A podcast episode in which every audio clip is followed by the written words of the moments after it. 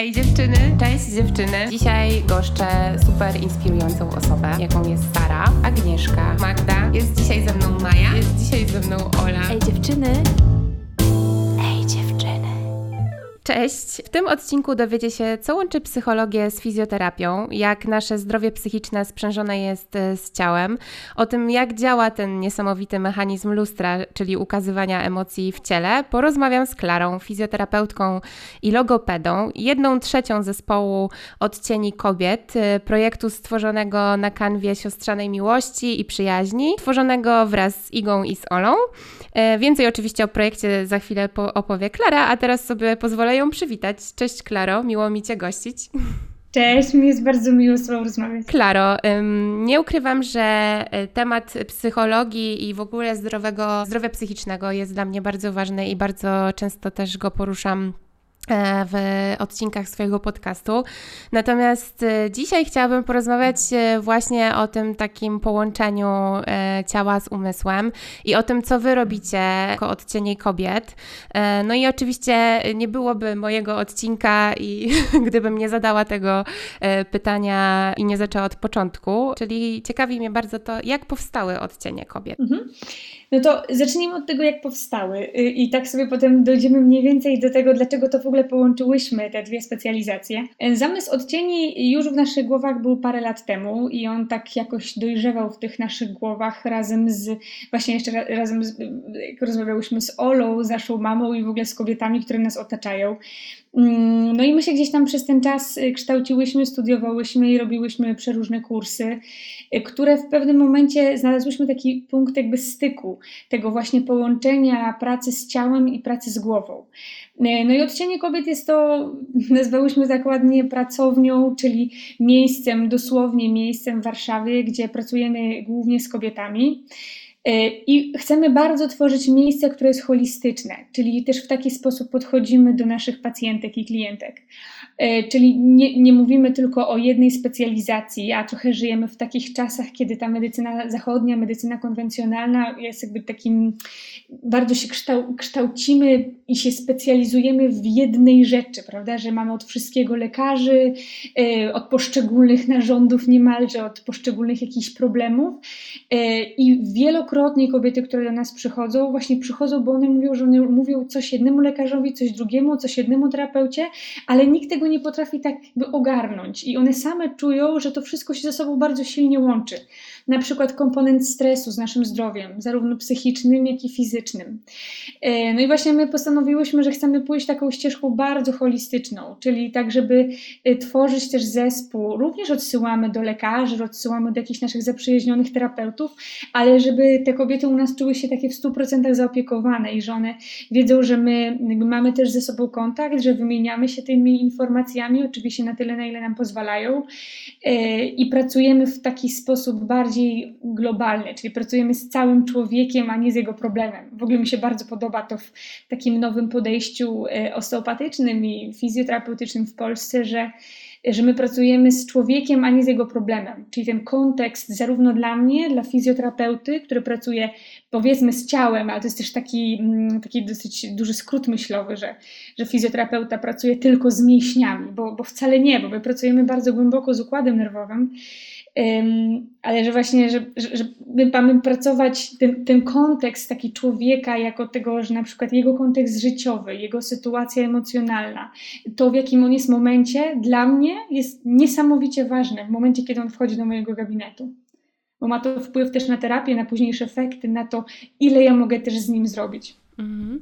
E, Nim przejdziemy do takiej em, jakby opowieści o tym, jak wygląda w ogóle fizjoterapia i psychoterapia, którą oferujecie i jak to dz- działa jakby razem e, sprzężone, chciałabym się też dopytać o warsztaty i spotkania inspiracyjne. Dlaczego też e, poszłyście w taką stronę właśnie edukacji e, szerszego grona odbiorców?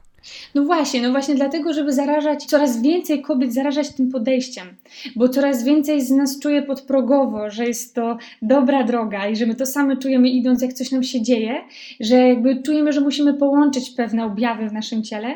I chciałybyśmy edukować, właśnie to słowo edukować jest bardzo ładne i często też je, też je używamy, żeby, mm, żeby nauczyć się tak słuchać swojego ciała, żeby nauczyć się tej samoświadomości, I bardzo nam zależy właśnie na tym, żeby trochę pociągnąć tłumy, czyli żeby to nie było tylko jednostkowe pacjentki, które do nas trafiają, bo wiedzą, bo jest tam z polecenia na przykład się dowiedziały, tylko żeby w ogóle zacząć trochę propagować inny styl patrzenia na siebie, inny styl patrzenia na zdrowie, inny styl patrzenia na choroby i na przykład na to, jak nastawienie ma wpływ na choroby. Więc stąd też ym, prowadzimy różne warsztaty i szkolenia dla różnych jakby grup, też jakby właśnie też różnych grup zawodowych, po to, żeby, ym, żeby jak najbardziej zarażać tym podejściem w ogóle do zdrowia. Y, I dla nas było to niezwykle ważne, dlatego też weszłyśmy w media społecznościowe, chociaż nie jest to jakiś nasz, u nas się zajmuje tym głównie Ola, Ola jest naszym menadżerem i ona jakby to, y, to głównie ogarnia, natomiast tą merytoryczną stroną zajmujemy się my i dlatego też chciałyśmy wejść właśnie gdzieś tam na ten, y, do tego szerszego grona y, social mediów, żeby, żeby pociągnąć coraz więcej jakby kobiet za tym. No niestety też trzeba przyznać, że nie jest to takie oczywiste, nie? W przypadku fizjoterapeutów i psychologów, e, którzy pojawiają się w przestrzeni social mediów, bo jeszcze swojego czasu nie była to taka powszechna praktyka i wręcz nawet e, czasami przez niektórych odbierana jako nieetyczna, bo też zdarzyło mi się dowiedzieć od swoich znajomych psychologów, że gdzieś tam udostępniając swoje treści, no to jako psycholodzy mm, byli posądzani o taką nieetyczną trochę. Tak. I to jest cały czas, my mamy też z tym, często właśnie o tym rozmawiamy, że to jest takie balansowanie pomiędzy tym, co my możemy powiedzieć, co możemy poruszyć, który temat tabu przełamać, ale jednocześnie, żeby to było zjadliwe, że tak powiem w cudzysłowie, dla, dla szerszego grona, nie? że y, medycyna, badania y, naukowe robią wszystko, y, to jest w ogóle cudowne i świetne, że to tak idzie do przodu, natomiast jeżeli jesteśmy specjalistami w jakiejś dziedzinie, to często używamy na przykład takiej terminologii, która dla ludzi, którzy nie zajmują się zdrowiem, jest po prostu nie, nie do przejścia, jest, jest nudna. My zamykamy takie artykuły, bo my nie chcemy o tym słuchać, bo, bo my jakby nic z tego nie rozumiemy. Może nawet chcemy, tylko no nic z tego nie rozumiemy. No i bardzo chcemy właśnie to, co piszemy, żeby to było y, do strawienia, do przeczytania, żeby to było przyjemne, żeby, żeby kobiety miały też takie poczucie, że o, ja tak mam, albo właśnie ja mam z tym dokładnie problem. Ja czułam, że to gdzieś jakby się łączy, no a teraz mam tylko potwierdzenie. Więc my robimy odwrotną robotę niż artykuły naukowe, czyli ułatwiamy tą terminologię i staramy się przekazać to w taki sposób, żeby to było do, do przejścia. Ale jest też faktem, że moja działka fizjoterapeutyczna jest e, trochę łatwiejsza niż ta psychologiczna, właśnie to, o czym powiedziałaś, o tym takim jakby etyce zawodu, nie? Że, e, że, no, że tutaj jakby musimy też, też na to uważać. Myślę, że myślę, że nam się to w tym momencie bardzo ładnie udaje, ale wydaje nam się też, że jeżeli czasami nie, nie. No właśnie, nie wywołamy jakiegoś tematu, który do tej pory był tematem tabu, to też no, nie, nie uzyskamy tego efektu, czyli kobiety jakby nie otworzą się dalej, żeby rozmawiać o tych tematach trudniejszych. Mhm. Czy y, zaproszenie do rozmów y, różnych kobiet ze świata show biznesu i nie tylko, z, róż, z przeróżnych y, światów tak naprawdę, jest też taką formą wyjścia do kobiet i przełamywania tabu i pokazywania, że gdzieś tam osoby medialne też mają swoje bolączki i też się z czymś zmagają? Mhm. Dla nas te rozmowy są niezwykle ciekawe, jak potem je sobie y, czytamy jako, jako pierwsze mhm. I, i możemy sobie posłuchać o tym, jak te pytania są tak sformułowane, że one jakby uderzają w taką bardzo wrażliwą i czułą stronę każdej z nas. Więc na te pytania nie da się odpowiedzieć tak jednym zdaniem. I bardzo, bardzo często te dziewczyny, które z nami rozmawiają, one długo się zastanawiają nad odpowiedzią. W ogóle mają taką refleksję. Nie? Dobrze postawione pytanie powoduje, że my zawsze mamy takie, o kurczę, i teraz, no tak, no przecież ja mam na ten temat zdanie, tylko ja tak dawno o tym nie myślałam, że, że ja sobie to muszę poukładać w głowie. Na przykład, czym jest kobiecość. Dla każdej z nas to znaczy kompletnie coś, no, kompletnie albo trochę coś innego, y, bo mamy cały arsenał swoich doświadczeń, emocji, przeżyć, więc, więc to może być coś innego. E, no i te pytania oczywiście, właśnie tak, do, do kobiet, szczególnie takich bardziej na przykład znanych w, z, z, mediów, um, trochę mają przełamać taką barierę nie? pomiędzy nimi jako takimi osobami, które y, kobietami sukcesu, y, a one dalej są kobietami i dalej mamy bardzo dużo cech wspólnych. No a powiedzmy dziewczynami, które to czytają i być może czują się w jakiś sposób, nie wiem, inne, gorsze i nagle się okazuje, że my jedziemy wszystkie na tym samym wózku. Mamy te same problemy, te same dolegliwości, tego samego się boimy, tak samo jesteśmy wrażliwe. E, więc e, te, ten cały cykl wywiadów z kobietami miał takie zadanie właśnie, żeby trochę, żeby trochę pokazać, że my, że my wszystkie jesteśmy równe i wszystkie jesteśmy piękne i jakby czułe i wrażliwe na to. Mm, no dobrze, a powiedz mi e, troszeczkę o tym, jak można u Was znaleźć pomoc e, psychologa i fizjoterapeuty i terapeuty, bo na czym to w ogóle polega? Właśnie chciałabym, żebyś opowiedziała teraz o takim trochę no, podstawie Waszej działalności i o tym, czym Ty się zajmujesz e, i Iga. Mhm. No to mm, i powiem tylko jeszcze jedno zdanie takie właśnie wstępu, że ten nasz pomysł y, na, na te terapie łączone, o których zaraz opowiem, y, to jest pomysł, który w Polsce jest nowy. Natomiast gdzieś w zachodnich klinikach y, trochę już zaczęło to bardziej wpływać w ogóle w te takie medyczne obszary. E, właśnie, że ta praca z ciałem i praca z głową, że to jest bardzo kompatybilne i bardzo potrzebne. Są nawet kliniki, które e, organizują na przykład ośmiotygodniowe wyjazdy dla osób po przeróżnych, o, z, przeróżnymi dolegliwościami, z przeróżnymi problemami i oni tam mają właśnie taką dwutorową pracę i to są najlepsze efekty, oni się jakby uczą w ogóle nowych nawyków. I my trochę zaczerpnęłyśmy jakby z tego pomysłu i chcemy bardzo coś takiego propagować w Polsce. I terapia dwutorowa y, u nas jest tak, że pacjentka nie wybiera, y, to nie jest tak, że my narzucamy coś od początku. My rozmawiamy, spotkanie jest zawsze na początku taki, jakby takim wywiadem, właśnie nie wywiadem, rozmową, taką bardzo przyjemną rozmową i jesteśmy wtedy we dwie. Oczywiście, jeżeli y, dana pacjentka tak chce, bo może powiedzieć na przykład, że może chcieć tylko terapię psychologiczną, bądź tylko terapię z ciałem, albo od tego zacząć, bo nie czuje się gotowa na to, żeby na przykład wejść w taką terapię dwutorową. I to jest jak najbardziej ok. My nie narzucamy tego, że my musimy pracować od razu we dwie. Natomiast jeżeli dziewczyna się, dziewczyny się godzą na to i chcą wejść w taką terapię bardziej holistyczną, no to wtedy pierwsze spotkanie polega na tym, że jesteśmy we trzy i rozmawiamy sobie o wielu różnych aspektach i o tym, co chcemy, co chcemy poprawić, co chcemy zmienić, y, jakie, jakie mamy dolegliwości.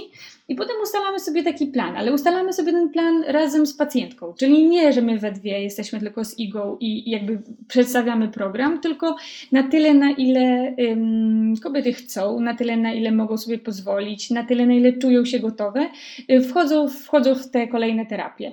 Y, I później robimy w ten sposób, że mm, mamy oddzielnie terapię psychologiczną i oddzielnie terapię z ciałem. Ale tym punktem styku jest to, że y, my z Igą najczęściej mamy wtedy jakby ze sobą kontakt, czyli wymieniamy się też y, tym, co się zmienia. Ja wtedy też trochę bardziej wiem, jak mogę popracować, jak głęboko mogę też popracować w swoich terapiach, jak, jak, jak, jakie robimy postępy. I wtedy jest to takie właśnie bardzo jakby bardzo holistyczne podejście. Natomiast robimy to wszystko jakby w zgodzie z pacjentką, czyli to ona ma, tak naprawdę to ona głównie decyduje o tym, jak szybko działamy i czy chcemy, czy chcemy równolegle pracować, czyli czy mniej więcej to tak wychodzi jeden tydzień na przykład terapia psychologiczna, kolejny z ciałem, potem terapia psychologiczna, terapia z ciałem. Taki model nam się najbardziej do tej pory sprawdza. Natomiast tak jak mówię, to jest bardzo indywidualne, to bardzo zależy od potrzeb, od sytuacji życiowej. Mhm. A y, czy mogłabyś coś więcej powiedzieć y, o nurcie, w którym y, pracujecie? Ja wiem, że Ty zajmujesz się fizjoterapią, ale może chociaż tak e, przybliżyć naszym słuchaczom, czym jest terapia skoncentrowana na rozwiązaniach, bo też e, jakby teraz powiedziałaś, że e, razem z mm, osobą, która, z kobietą, która do Was przyjdzie, tak, która się zdecyduje na, na terapię, gdzieś tam tworzycie ten plan działania. Ja osobiście na przykład skończyłam terapię psychodynamiczną i mm, śmiem twierdzić, że w sumie nigdy nigdy nie wiedziałam, co się tam wydarzy, bo mm -hmm. jest to zupełnie coś innego. Byłoby super, gdybyś, gdybyś teraz właśnie trochę przybliżyła ten temat słuchaczom, czym jest terapia skoncentrowana na rozwiązaniach. Tak, tą terapią zajmuje się u nas Iga i ona jest jakby super specjalistą w tej dziedzinie, więc ja tak opowiem trochę mniej więcej no właśnie na, na czym ona polega i jakie ma takie założenia. I mówi się o tym, że terapia skoncentrowana na rozwiązaniach mm, to jest trochę coś więcej niż podejście terapeutyczne i jest to taka jakby pewna filozofia rozumienia i traktowania drugiego człowieka. Ona bardzo kładzie nacisk na poszukiwanie rozwiązań y, w oparciu o zbadane potrzeby, a nie problemy, czyli jakby pracujemy na mocnych stronach, i na dotychczasowych osiągnięciach, a nie skupiamy się na tym, jakby co jest w nas słabsze albo jakieś, mm, powiedzmy, można powiedzieć, gorsze. E, I kluczem jest właśnie praca na takich najgłębszych potrzebach. Mm, I podczas takiej terapii y, bardzo jasno precyzuje się cele, y, które chciałyby, chciałoby się w swoim życiu osiągnąć. Y, w TSR mówi się o tym, że to, że to klient jest ekspertem od swojego życia i to on posiada najlepszą wiedzę o sobie samym i o swoim życiu do tego, aby rozwiązać problemy.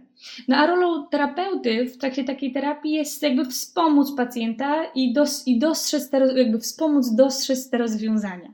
Więc jest to bardzo terapia nastawiona tak na przyszłość. Oczywiście ona wraca do pewnych rzeczy z przeszłości, żeby móc sobie uświadomić niektóre y, doświadczenia, emocje, które, które były związane z danymi wydarzeniami, bo to jest niezwykle istotne. Natomiast ona bardziej jest nastawiona na to, że dobrze, to jesteśmy w takim miejscu, i teraz, co możemy zrobić, żeby pójść do przodu, nie? Bo nam wszystko, tak naprawdę nam o to chodzi, że my chcemy iść do przodu i iść jakby z, now, z nową energią do przodu. Yy, więc na tym polega tak w dużym skrócie terapia skoncentrowana na rozwiązaniach. Natomiast y, terapie, którymi ja pracuję, to są to są liczne, jakby liczne, bardzo sobie miksuję te terapie, ponieważ jedną z moich ulubionych jest terapia czeszkowo-krzyżowa. Jest to taka osteopatyczna terapia, bardzo głęboko wchodząca w układ nerwowy, czyli pracujemy sobie na układzie nerwowym, próbując go trochę wyciszyć, zrównoważyć. Nasze ciało nam pięknie pokazuje to, gdzie, gdzie ma problem. I to nie jest tak, że ja sobie zawsze pracuję na tym samym u każdego pacjenta.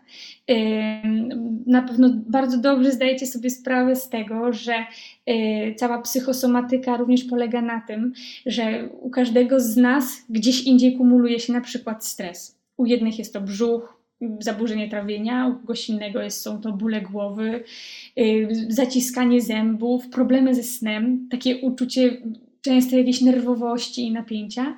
No i wtedy w zależności właśnie od tego, co, czego najbardziej potrzebuje ciało, no to z tym sobie po prostu pracujemy. Mhm. E, no właśnie, Klara, teraz bym chciała porozmawiać już e, o, o Twoich działaniach e, i o tym, jak Ty ze swojego doświadczenia postrzegasz w ogóle mm, właśnie ten mechanizm odbijania się emocji w naszym ciele. Co jest dla Ciebie takie najbardziej zaskakujące i co najczęściej jakby z czym najczęściej e, borykają się klientki, które do Ciebie przychodzą? Najbardziej zaskakujące jest dla mnie to, jak długo potrafimy wytrwać w niektórych dolegliwościach, nie szukając pomocy. I mówię tu o ciele, y, tak jakby mówię ze tej swojej działki, jak długo właśnie jesteśmy w stanie wytrzymać na przykład te, te dolegliwości, z którymi często przychodzą, na przykład z bólami głowy albo z nieprawidłowym takim trawieniem, z bólami brzucha. Jak długo jest, jak latami całymi potrafimy dobrze nie spać, całymi latami potrafimy czuć się takie napięte i, i, i tam się dzieje w życiu bardzo dużo wtedy różnych rzeczy, no ale, ale my dalej nic z tym nie robimy. To ciało jest takie trochę odłożone odłożone jako ostatni element układanki. I nawet tak jest takie przecież strasznie proste przysłowie, nie? że w zdrowym ciele zdrowy, zdrowy duch. I ono może się wydawać takie ojenne na, na lekcjach WF-u w latach 50., nie? A z drugiej strony, no, no, czy to nie jest prawda, nie? że jeżeli my się dobrze czujemy, to my dopiero wtedy potrafimy żyć szczęśliwie, funkcjonować, mieć energię, mieć nowe pomysły, mm, jakoś ogarniać nam tak to życie szczęśliwie. No i właśnie mm, tak, ale największym moim zaskoczeniem y, i w momencie, kiedy, y, kiedy pracuję y, już od, już od paru lat z kobietami, to, to chyba jest to, że, że przychodzimy bardzo późno bardzo późno. Wtedy też ta terapia jest dłuższa po prostu, no bo, bo wtedy musimy się prze, przebić przez całą masę różnych dolegliwości i objawów, żeby, żebyśmy poczuli się lepiej. No bo wiesz, czy to nie jest troszeczkę tak, że gdzieś tam e, właśnie jest, e, mam wrażenie, przynajmniej e, ja tak bardzo, bardzo długo miałam, że gdzieś tam moje, nie do końca byłam nie, nie miałam kontaktu ze swoim ciałem. Dopiero gdzieś tam w trakcie terapii e, zaczęłam czuć pewne emocje, które były przez jakiś czas e, w ogóle totalnie wygaszone, ale czułam, że jest taka totalna, taki to, totalny rozdział ciała od umysłu i też gdzieś tam ja uważałam, że dbanie o to ciało jest dosyć takie próżne, że to przecież nie jestem ja, że ja to lubię czytać książki i tutaj bardzo to intelektualizowałam wszystko. No i e, w momencie, kiedy zaczęłam odczuwać te wszystkie emocje i przeszłam przez jakiś tam etap swojej terapii, e, zaczęłam też czuć pewne rzeczy w ciele, których wcześniej nie, że nie czułam, nie, że ich nie było, ale je właśnie ignorowałam.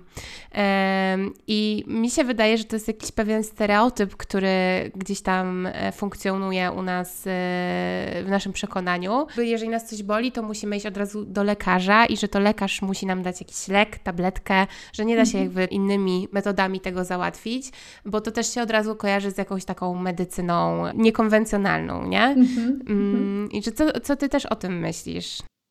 No wiesz co, ja, mm, hmm, ja mam, ja, ucząc się cały czas i studiując jakieś kolejne rzeczy, ja mam poczucie, że y, fizjoterapia i osteopatia, jako, jako tam powiedzmy kolejny jakiś taki też kierunek studiów mhm. y, jeszcze po fizjoterapii, które, możemy zrobić i w ogóle cała medycyna również też, ale że to tak niesamowicie idzie do przodu.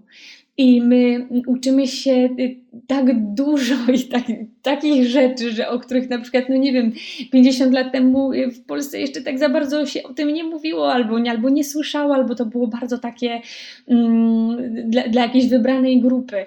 I myślę, że my po prostu o tym nie wiemy, z czym możemy przyjść do fizjoterapeuty. My po, my po prostu tego nie wiemy. Nie dla nas cały czas, na przykład fizjoterapeuta to jest osoba, która pracuje, no boli kręgosłup, to idę, i że fizjoterapeuta robi masaż, albo że mam uraz kolana, no to idę. Natomiast to jest niesamowite uproszczenie i to jest bardzo takie krzywdzące dla nas samych, że jakby nie jesteśmy sobie w stanie pomóc, bo mm, fizjoterapia między innymi z technik, które ja uwielbiam i na których bardzo dużo pracuję i mam praktycznie, jeżeli bym się tylko tym zajmowała, to bym miała tylko z tym pacjentów. To, są, to jest na przykład praca na jamie brzucha. W ogóle praca, to się nazywa praca visceralna, czyli praca z żołądkiem, z wątrobą, żeby trochę poruszyć też te płyny w, w ogóle w, w brzuchu, żeby y, wspomóc trawienie. I to jest zarówno praca z niemowlakiem, z dzieckiem, potem z osobą dorosłą. Y, to jest cała ta fizjoterapia uroginekologiczna, tak coraz bardziej propagowana w Polsce. I to jest świetne, bo według mnie każda kobieta naprawdę mogłaby sobie, nawet jeżeli nic jej nie dolega, tak pójść Czyli i zobaczyć. O, czy... Mówimy tak, e, żeby trochę innym językiem. Mhm. mówimy o ćwiczeniach mięśni na miednicy między innymi. Nie tak? o ćwiczeniach. Znaczy, o ćwiczeniach to już ostatni element układanki, o terapii. Mhm. O terapii. Terapia uroginekologiczna, okay. tak, to jest mhm. terapia, również to jest terapia na brzuchu, to jest terapia bardzo nisko na całej miednicy, to jest terapia przez pochwowa również, którą prowadzą fizjoterapeuci terapeutki i jest to jedna z najcudowniejszych chyba terapii, y, na której, y, którą, którą powinna jakby przejść każda kobieta, żeby zobaczyć, jak bardzo może sobie ulżyć w niektórych dolegliwościach, takich jak na przykład bolesne miesiączkowanie, bolesne współżycie, y, bóle brzucha, zaparcia, wzdęcia, wszystkie te takie, no wiesz, tematy takie tabu, o których ktoś tak nie mówi. Nawet często temu ginekolog ginekologowi temu nie, nie powiemy o tym tylko jakoś tak się czaimy w tych sypialniach i w tych naszych domach z problemami, które odbierają nam naprawdę dużą część takiej dobrej jakości życia. No to prawda. Znaczy, kiedy widzisz najlepsze efekty y, ze swoimi klientami? Czy faktycznie kiedy, czy to jest takie mocno sprzężone też z tym, jeżeli klientka chodzi na terapię do, psycho, y, do psychologa, czyli w, w tym wypadku do IGI, a potem przychodzi do Ciebie, czy widać jakby tą taką, e, taki progres większy niż w przypadku, gdyby chodziła tylko na fizjoterapię? W zależności z czym w ogóle przychodzi i jakby jaki, jaki jest jej kontekst życiowy. Ale wydaje mi się, że i to jest też coś, o czym bardzo często mówi Iga, nie ma tu aż takiego znaczenia, czy ona przychodzi tylko do mnie, czy do Igi, czy do mnie i do Igi równocześnie. Najważniejsze w postępach terapii jest y, w ogóle podjęcie decyzji, ale takiej decyzji, że ja chcę coś zrobić ze swoim życiem, że jest mi źle w tym momencie, w którym jestem, albo czuję się tak jakby nie do końca dobrze, może źle to jest zbyt duże słowo, i że jeżeli pacjentka podejmie decyzję, że musi coś zmienić, to wtedy ta terapia zarówno u Igi, jak i u mnie idzie super. I to są naprawdę, ale ona jest wtedy, kobieta musi być skoncentrowana na sobie w taki dobry sposób, w taki dobry, egoistyczny sposób. Y, my na przykład dajemy dużo takich zadań też, że y, polecamy fajne książki, coś, co można poczytać, żeby jeszcze bardziej zgłębić jakby to ciało. I to nie są takie często książki takie znane, powiedzmy, stop 10 Empiku, nie? Aczkolwiek są niesłychanie potrzebne nam. E, I to naprawdę widać, jeżeli przychodzi nas kobieta, która mówi, dobra, słuchajcie, ja, ja potrzebuję was teraz, albo, albo Igi, albo mnie, albo was we dwie i ja jestem naprawdę zmobilizowana do tego w tym swoim kiepskim momencie życia właśnie, ale jeżeli jestem naprawdę zmobilizowana do tego, że chcę to zmienić, to wtedy jest po prostu świetnie. To wtedy ta terapia idzie i my to widzimy i ona to czuje. E, Klara, mm, tak sobie myślę, że w ostatnim roku żyliśmy w niesamowitym stresie i też e, mam wrażenie, przynajmniej, dobra, tutaj mówię w kontekście swoim i swoich znajomych, którzy jednak pracują w korporacjach albo mają pracę raczej siedzącą, że to bardzo się odbija na naszym zdrowiu i też e, psychicznym przede wszystkim, no ale też i na ciele. Mm, jak możemy o siebie zadbać w tym czasie? No myślę, że to jest też pytanie mm, tak, dosyć indywidualne, aczkolwiek i tak i nie. Indywidualne i są pewne składowe, które są dla wszystkich, yy, dla wszystkich potrzebne i, i na pewno dadzą rezultat. No to jesteśmy w takim okresie yy, też, kiedy w, w, takim czasie pewnego marazmu i braku motywacji na przykład do ruchu. Dużo mm -hmm. osób mi o tym mówi i zresztą sama też to czuję, że y, zamknięte siłownie to już nie ćwiczę, nie? Zamknięty basen to nie ćwiczę. Nie ma tam trenera mojego, to już nie, no bo to było no jedyna rzecz, która mnie trzymała. Ale też, też wiesz, ile już można chodzić na spacery. Ja mieszkam nad morzem tak. i generalnie w zeszłym roku no, no, chodziłam praktycznie nad morze codziennie, a już teraz po prostu mi się nie chce. Tracę tę motywację. Robię to o Wiem. wiele rzadziej. Mhm. Tak, ja, ja to rozumiem, oczywiście. Natomiast y, ruch y, i niesamowicie zmienia jakość naszego życia, niesamowicie zmienia naszą gospodarkę hormonalną i w ogóle całą biochemię w naszym organizmie, więc. Y, ja nie wymyślę teraz w tym momencie złotego środka, nie? To jest, my, my w mhm. ogóle jesteśmy tacy trochę przyzwyczajeni do tego, że my bardzo chcemy mieć szybki efekt, żeby, no właśnie, jesteśmy takim pokoleniem lekarstw, że mnie coś boli, to ja poproszę, nie? Mi się nie chce, to co, co ja mam zrobić? No to szukać, trzeba szukać i trzeba szukać takich rozwiązań, takich zajęć, być może z kimś, być może, żeby, żeby, nie wiem, z kimś pójść pobiegać albo porobić coś nowego, w ogóle może nauczyć się czegoś nowego. I ja zawsze optuję za tym, żeby to był sport, przynajmniej w jakiejś, w jakiejś części dnia, żeby jednak on, y, on uczestniczył, bo to też wszyscy mówią, że jeżeli się dobrze, jeżeli się poruszają w ciągu dnia, to też się czują kompletnie inaczej. Więc żeby zrobić w ogóle to sobie jako taki. No, taki, taki punkcik w ciągu dnia, że na przykład muszę coś tam, muszę coś tam z tym zrobić. Na przykład nie każdy jest e, fanem, nie wiem, medytacji, relaksacji i ja to też jakby rozumiem. Natomiast trzeba sobie znajdować rzeczy, które są przyjemne. Właśnie w tym czasie takim, kiedy dużo rzeczy nie wolno robić, kiedy dużo rzeczy jest zamkniętych, żeby jak najbardziej sprawiać sobie przyjemnochę, na przykład właśnie poprzez ruch, no i to może być teraz, teraz już nie możemy narzekać. No już zaczyna się wiosna, więc powoli będzie można coraz więcej tak. rzeczy robić na dworze, ale na pewno ym, musimy się jakby zmusić do tego, żeby, żebyśmy mieli motywację, musimy się troszeczkę do pewnych rzeczy na początku zmusić, ale do takich dobrych rzeczy. I później to, i później to już pójdzie. Ale myślę też, że bardzo fajnym rozwiązaniem są na przykład książki, które możemy czytać i które w jakiś sposób nas motywują. Jest tych książek teraz cała masa. Do każdego przemawia trochę co innego, inny styl pisania. E, ale takich właśnie książek, może nie tyle poradników, co takich trochę opisujących bardziej jakby właśnie taki, taką, taką samoświadomość. To jak my możemy siebie poznać. Więc y, książki to jest, to jest druga sprawa.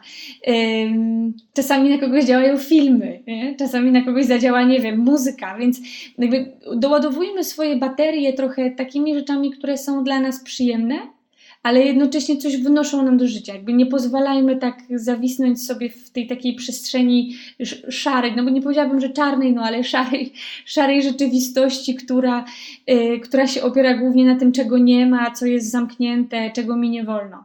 No ale to jest praca, to znowu jest decyzja. Jeżeli chcesz jakby przeżyć ten czas jeszcze takiego zamknięcia teraz i wyjść w ogóle z tego, z tego okresu, z tego roku, który był bardzo ciężki dla, dla wszystkich i my to też widzimy, że my w gabinetach mamy teraz naprawdę zbieramy plon jakby tego, co się działo przez ten rok. I, i to zarówno jeżeli chodzi o dzieci, jak i właśnie osoby dorosłe.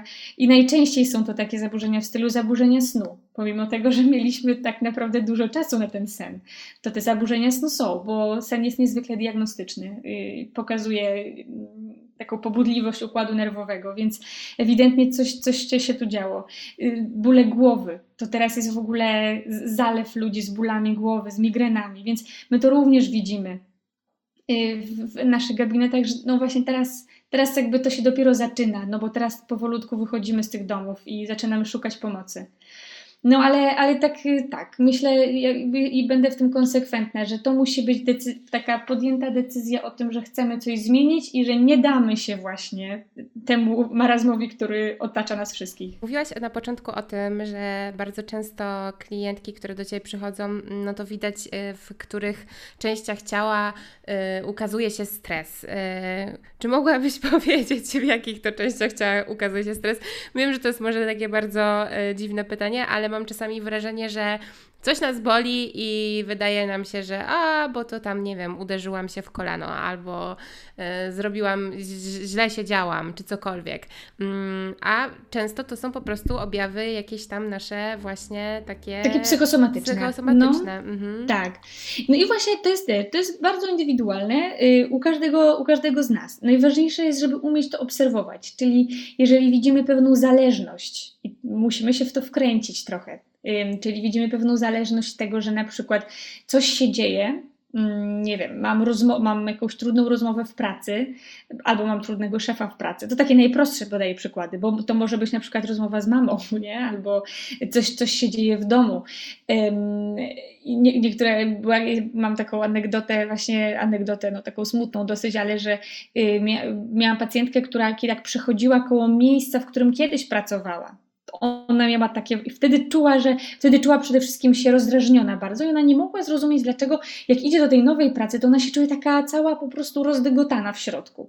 No i właśnie jakoś tak po nicy do kłębka yy, doszło do tego, że ona jakby z, połączyła te fakty i nie kurczę, przecież ja zawsze przychodzę koło tej znienawidzonej pracy, nie? Więc tylko to jest kwestia obserwacji. Tego, kiedy my czujemy te objawy, bo bardzo często jest tak, że objawy ym, takie psychosomatyczne czujemy po jakimś stresie. Czyli my go nie czujemy w momencie, kiedy jesteśmy, kiedy adrenalina i kortyzol tam po prostu buzują w nas, tylko w momencie, kiedy to się kończy.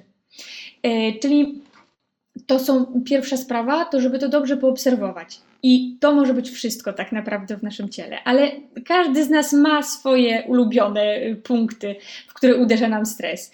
Najczęściej, na przykład, o, jesteśmy pokoleniem jelita drażliwego, nie? choroba wytrych, trochę. Nikt nie wie o co chodzi, dlaczego nas tyle dotyka y, ta, y, ta, ta choroba, to zaburzenie.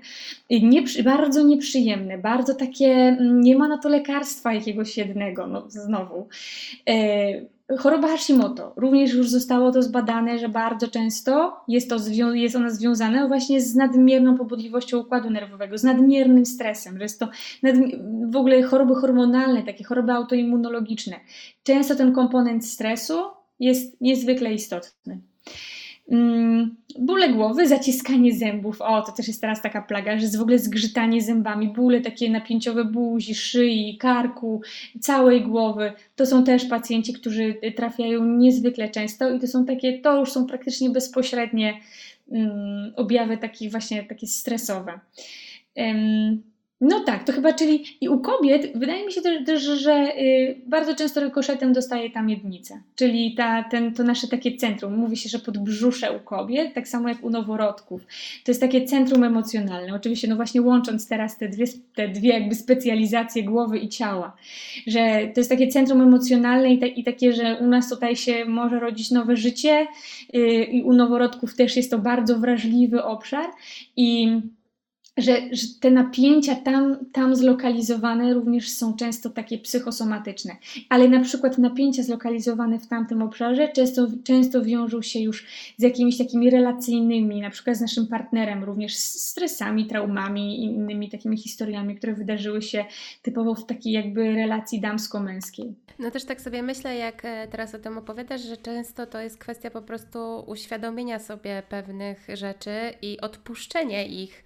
Trochę na też e, tej kanwie historii, którą przytoczyłaś o kobiecie, która przychodziła obok swojej znienawidzonej pracy, e, że to też nie jest tak, że kiedy uświadomimy sobie pewną rzecz, poczujemy ją, to jest nam łatwiej nad nią popracować i też odpuścić te emocje w sobie? Mhm, tak, ja myślę, że, ja, znaczy ja myślę, że świadomość, uświadomienie sobie to jest już gigantyczny pierwszy krok do tego, żeby właśnie sprostać jakby temu, co się dzieje. Jak naj, ja, ja, ja tak myślę, że, że właśnie mm, to, to takie poznanie siebie, czyli dobra, to ja już wiem, że tak jest, wiem, że tak reaguję, to teraz co ja mogę z tym zrobić? I może wtedy właśnie potrzebujesz y, kogoś, żeby ci trochę dopomógł. A może, może, może to będzie twoja przyjaciółka, albo może twoja mama, albo może tata, może ktoś podpowie ci, jak, jak można to zrobić i czasami to też zadziała. Natomiast jeżeli to jest duża rzecz, taka, z którą sobie nie radzimy, ale uświadomiliśmy sobie już coś, to jest duża, wtedy krótsza jakby droga takiej terapii i pracy.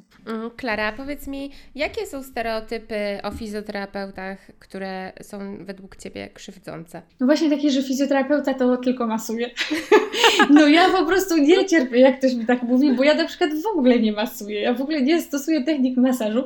Sama uwielbiam w ogóle masaże i uwielbiam, mm -hmm. i ja tak strasznie cenię osoby, No to obalmy ten stereotyp raz na zawsze i wiem, że już powiedziałaś bardzo bardzo dużo y, o tym, czym się zajmujesz, ale tak, y, tak kompleksowo, żebyś teraz to zrobiła i powiedziała, czym zajmuje się fizjoterapeuta. No, kompleksowo. Fizjoterapeuta zajmuje się pomocą pacjentowi w dochodzeniu do zdrowia. Natomiast my pracujemy, mięśnie oczywiście, pracujemy na mięśniach też. Natomiast pracujemy głównie na powięzi, czyli na tej tkance, która otacza nasze mięśnie, nasze narządy wewnętrzne. Jest to wtedy często praca taka um, delikatniejsza, ale dająca niesamowite rezultaty. Pracujemy na układzie nerwowym, E, czyli jakby wchodząc dosyć głęboko w, w, tak powiem, w strukturę pacjenta, e, pracujemy sobie na przykład nad wyciszeniem układu nerwowego, nad wyciszeniem jakichś wygórowanych reakcji. E, pracujemy z różnymi stanami zapalnymi w ciele również, czyli jeżeli mamy jakiś stan zapalny, coś się dzieje, to wtedy też fizjoterapia i osteopatia w tym pomagają.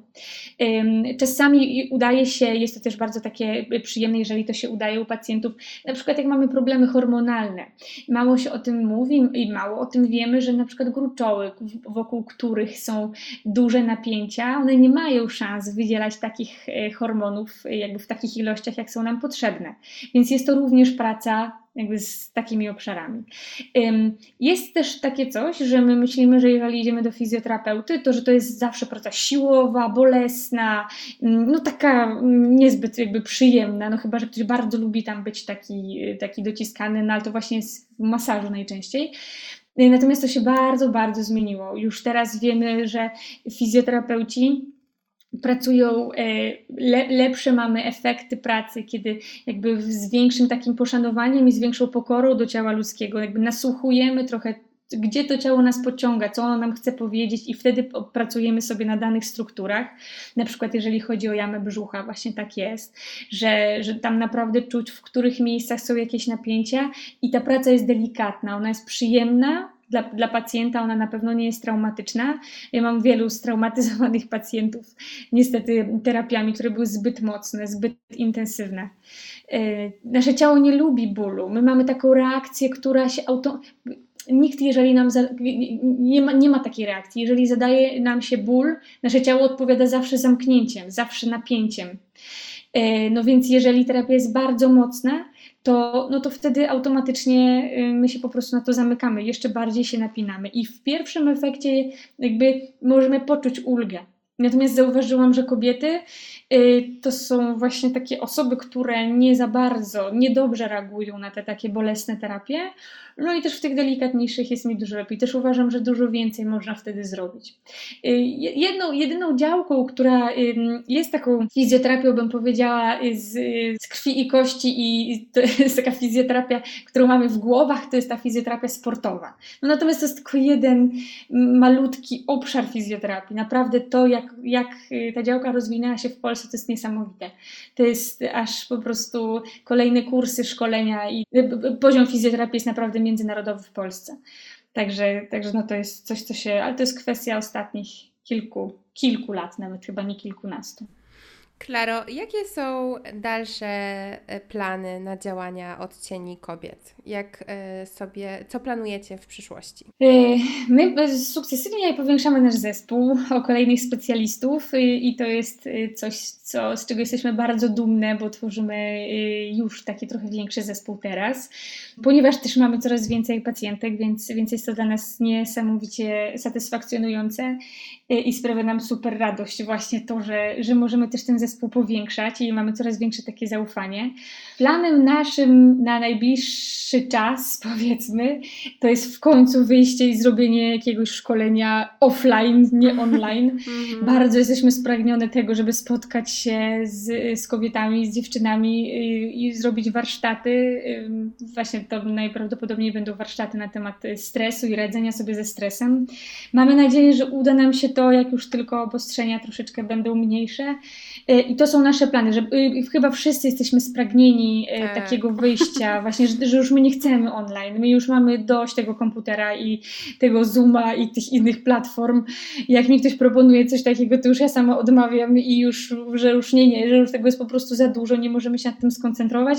Więc naszym planem, jak tylko to będzie możliwe, to jest jak najwięcej spotkań, warsztatów na żywo. E, Klaro, nasza rozmowa dobiega końca i zawsze na koniec odcinka proszę moją, e, mojego gościa albo gościnię, żeby powiedziała coś od siebie, taką myśl podsumowującą e, ten odcinek. Ej dziewczyny, ej chłopaki, Dbajcie o siebie bardzo i cały czas starajcie się poznawać siebie, bo jeżeli będziecie żyć w zgodzie ze sobą, w takiej prawdziwej zgodzie ze sobą, a będziecie żyć tylko tak wtedy, kiedy będziecie się dobrze znać, to wasze życie będzie na pewno dużo szczęśliwsze, dużo lepsze i dużo bardziej takie wartościowe dla Was samych. I nigdy nie szukajcie drogi na skróty, tylko i, i, przygotujcie się na to, że, że poznawanie siebie, zarówno swojej głowy, jak i swojego ciała, to jest niesamowita przygoda i, i jest to bardzo satysfakcjonujące, ale potrzeba do tego czasu i się jakby nie, mm, nie zniechęcajcie się tym, że do tego potrzeba nie? cierpliwości, właśnie, no. takiej, takiej skrupulatności i cierpliwości, dokładnie.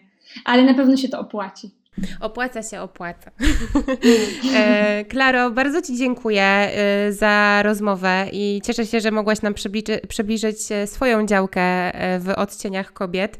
I powiem szczerze, że bardzo mnie to ciekawi to właśnie holistyczne podejście do człowieka i do brania go całego takim, jakim jest i pracy nad tym, e, jaki może być i na tak, odkrywaniu, tak, na odkrywaniu siebie. Powiem Ci, że mam dosyć duże przemyślenia i duże jakieś takie refleksje e, odnośnie swojego życia e, po tej rozmowie, bo przyznam, że pewne rzeczy były dla mnie faktycznie takie nieodgadnione, jeśli chodzi o fizjoterapię, e, więc obaliłaś kilka stereotypów, za co bardzo Ci dziękuję. Super, a ja super jestem szczęśliwa z tego powodu. Kolejne miejsce, gdzie obaliłam trochę mitów na temat fizjoterapii. Super. Powodzenia, Klaro, i bardzo Ci jeszcze raz dziękuję. Ja również bardzo dziękuję.